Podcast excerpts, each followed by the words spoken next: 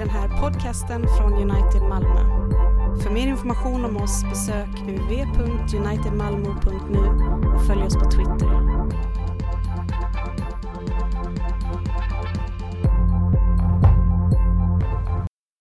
Förbli stående och hör Herrens ord. Vi lyssnar till denna söndagens gamla testamentliga text från Första Mosebok 11, verserna 1-9.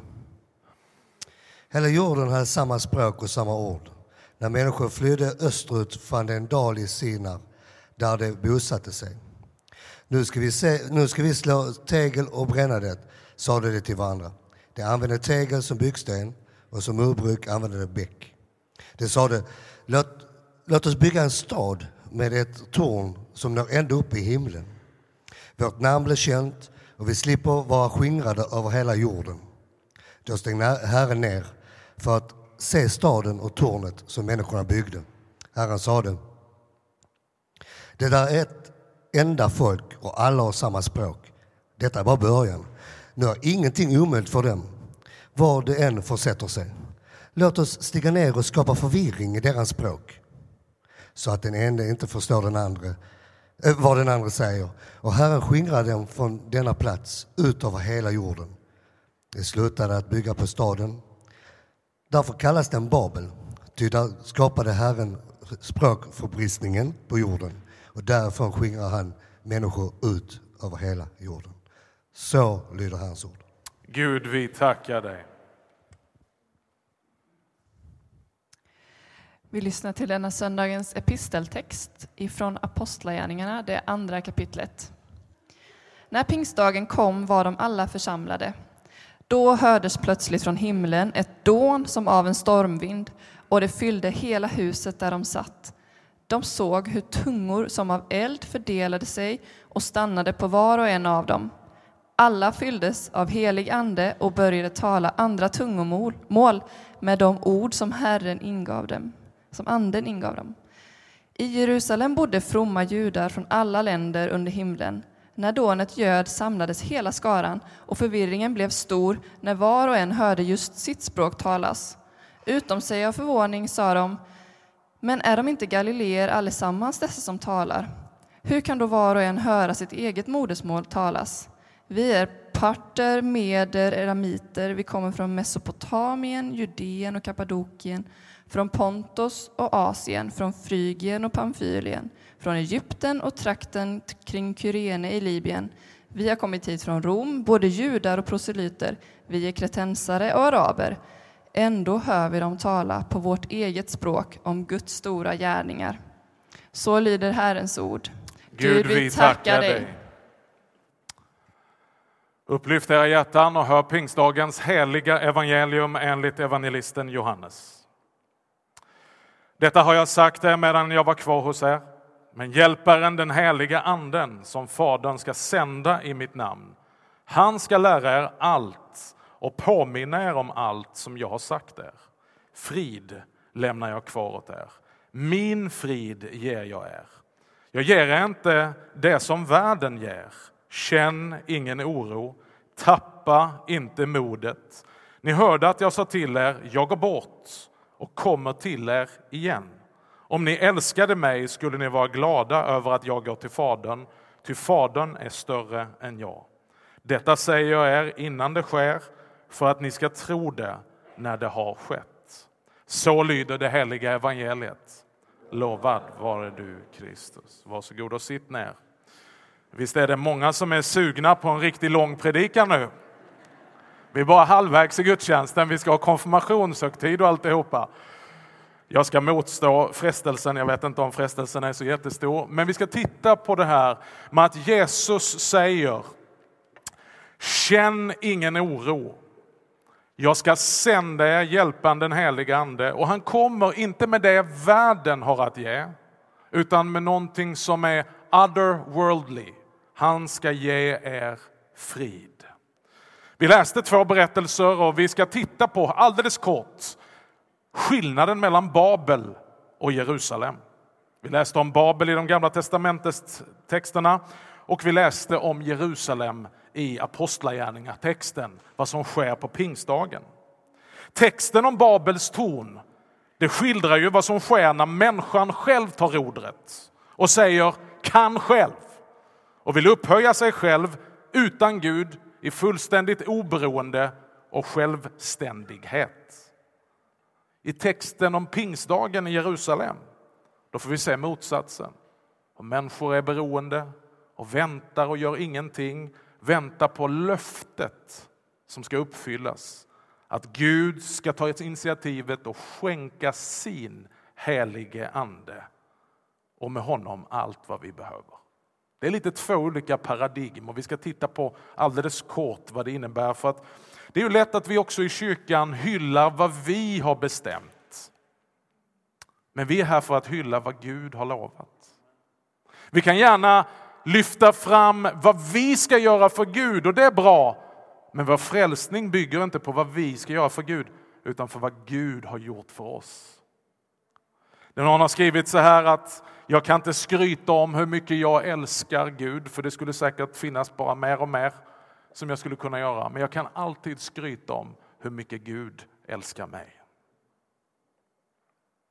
Vad vi firar och förkunnar här idag, både i dopet och konfirmationen, det är inte först och främst vårt ja till Gud, utan det är Guds ja till oss. Och ta emot det. Du som har suttit och tittat på dopet Gud har sagt ett rungande ja till dig. Det får du ta emot. Pingsten är konsekvensen av påskens under.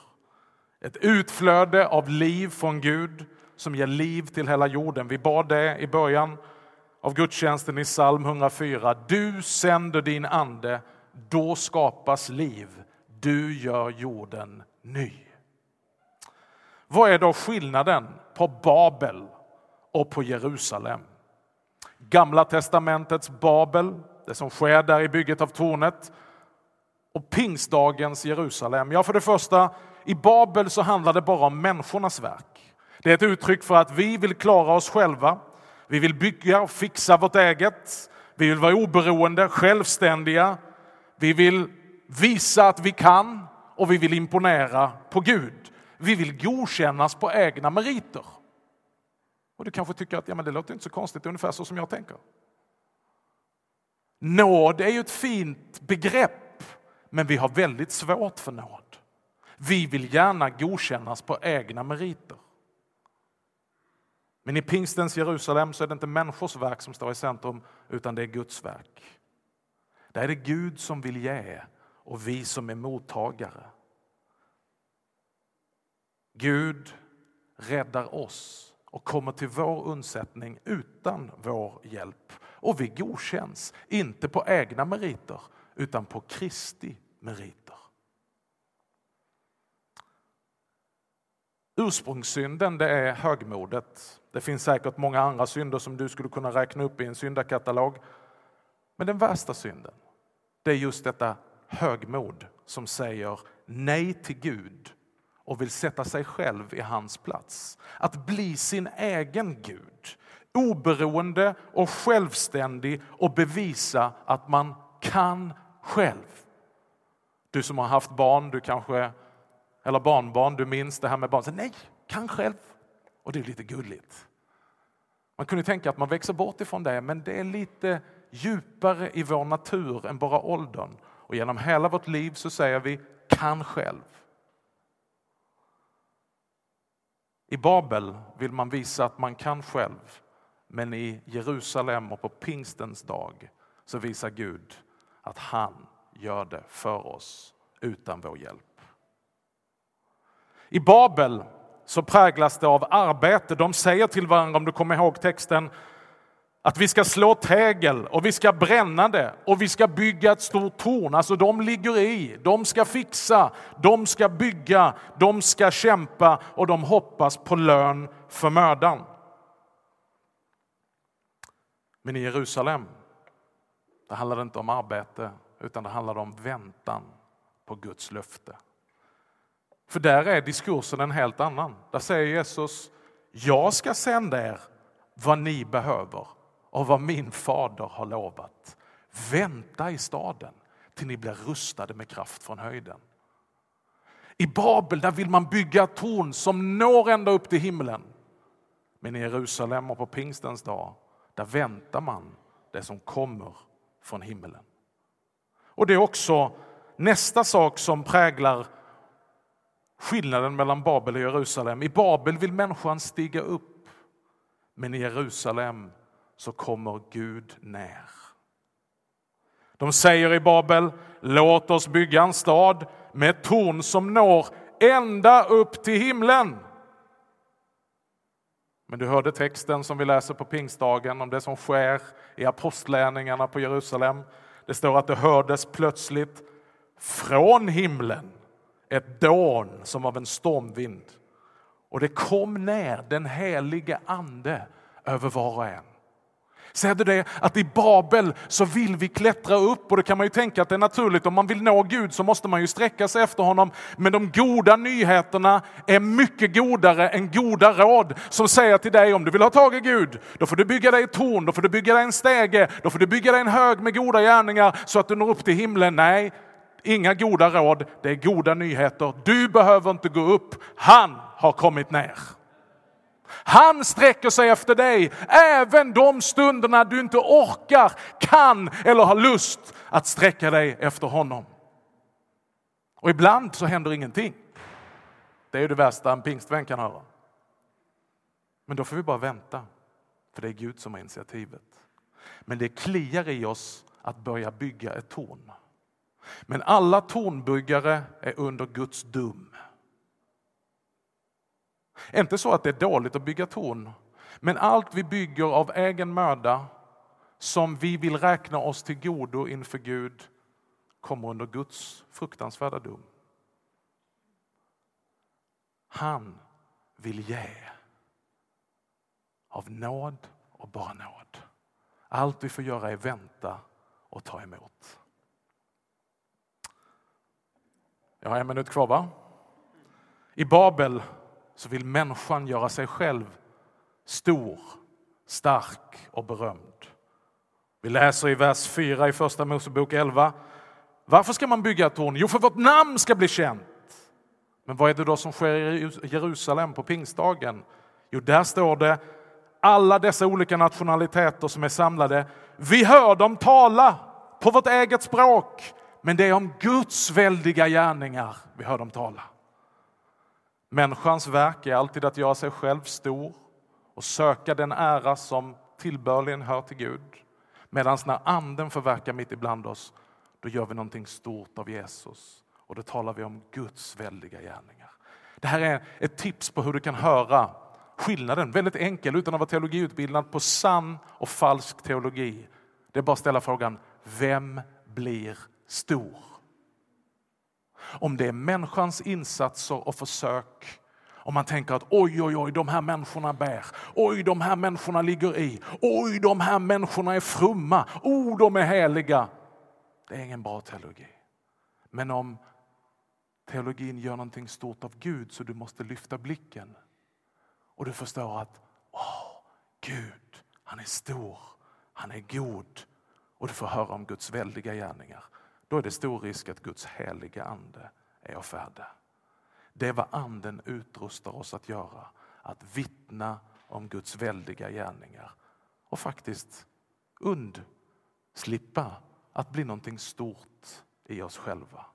För Gud har den förmågan att han dras till det lilla, till det obetydliga, till det som för världen ingenting var. Sist men inte minst, i Babel är det babbel. Det är förvirring. Men i pingstens Jerusalem, där är det förståelse. Det står att det blev förvirring och helt plötsligt så förstod man inte varandra och man blev främlingar inför varandra. Allt blev bara babbel i Babel, språkförbistringen. Och du som är gift, du vet att man lever fortfarande nu och då i Babel. Det blir lite språkförbistning och vi missförstår varandra. Och vad händer när vi missförstår varandra? När vårt olika språk inte når fram, då blir vi främlingar för varandra. Och det är också frukten av Babel. Människor som förut har varit tillsammans skingras och blir främlingar. Men så kommer pingstens under. Och nu så står det så här när vi läser Apostlagärningarna. På pingstdagen var alla församlade. Det är Guds verk. Vi talar mycket om segregation.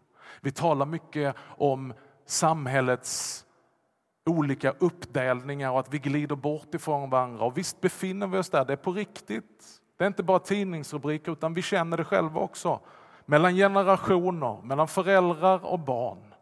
Mellan olika kulturer, mellan olika nationaliteter så slåss det så lätt, kilar in och blir sprickor. Och vi tänker på olika politiska system som ska kunna ena samhället igen och vi ber för våra politiker. Och vi backar varje gott initiativ. Men det finns en ande från himmelen som är verksam. Och det som synden splittrar, det helar den heliga ande genom den försoning som är vunnen av Jesus Kristus på korset i Golgata. Därför så är jag inte längre främling. Om du är främling för Guds röst, om du tycker att när du hör Herrens tilltal, det är bara babbel, då är du kvar i Babel. Därför så kan du säga, Herre, för mig är detta bara babbel. Jag behöver dig, helige Ande, för att förstå talet om Guds väldiga gärningar. Och det är det som sker på pingstdagen. Där blir de inte främlingar, där är det inte babbel, utan vad är det de säger? Detta är ju fantastiskt! Här är vi från alla de här nationaliteterna och folkslagen som Lovisia läste upp innan. Och ändå hör vi samtidigt, var och en, alla på sitt eget modersmål. Talet om Guds väldiga gärningar. Gud kan ditt modersmål. Du vet, jag talar ju skånska. Jag kan tala ännu värre skånska om jag bara lägger till. Jag har växt upp i Vollsjö. Ja. 7000 höns, en epatraktor och snusande tonåringar. Fy för katten. Men det är inte så att jag har valt skånska. Det skulle man aldrig gjort. Eller hur? Det var inte så liksom att när jag blev tre så frågade mina föräldrar vilken dialekt vill du ha? Ja, jag tror jag ska ha riktigt sån släpig skånska med halva frukosten kvar i rösten, eller i halsen. Utan språket, det som blev mitt modersmål, min dialekt, den är ju given till mig utifrån. Eller hur? Och som fick resonans i mig. Och det är väldigt speciellt när man befinner sig på främmande platser. Nu är min tid ute så jag kan inte tråka dig med en historia till. Men när man står och tänker, jag är bergis den enda svensken och garanterat den enda skåningen just här och nu. Och så hör man modersmålet. Hello, ta bort den där grejen. Och så känner man, jag är borta men ändå hemma. Det är någon som talar mitt hjärtas språk. Jesus Kristus, tala ditt hjärtas språk. Han når fram till ditt hjärta genom den helige Andes kraft så blir inte detta tal om Guds väldiga gärningar bara babbel som i Babel. Utan genom Anden får du tag i Guds väldiga gärningar. Evangelium givet för dig på skånska. Ära vare Fadern och Sonen och den helige Ande. Nu och alltid och i evigheters evighet. Amen.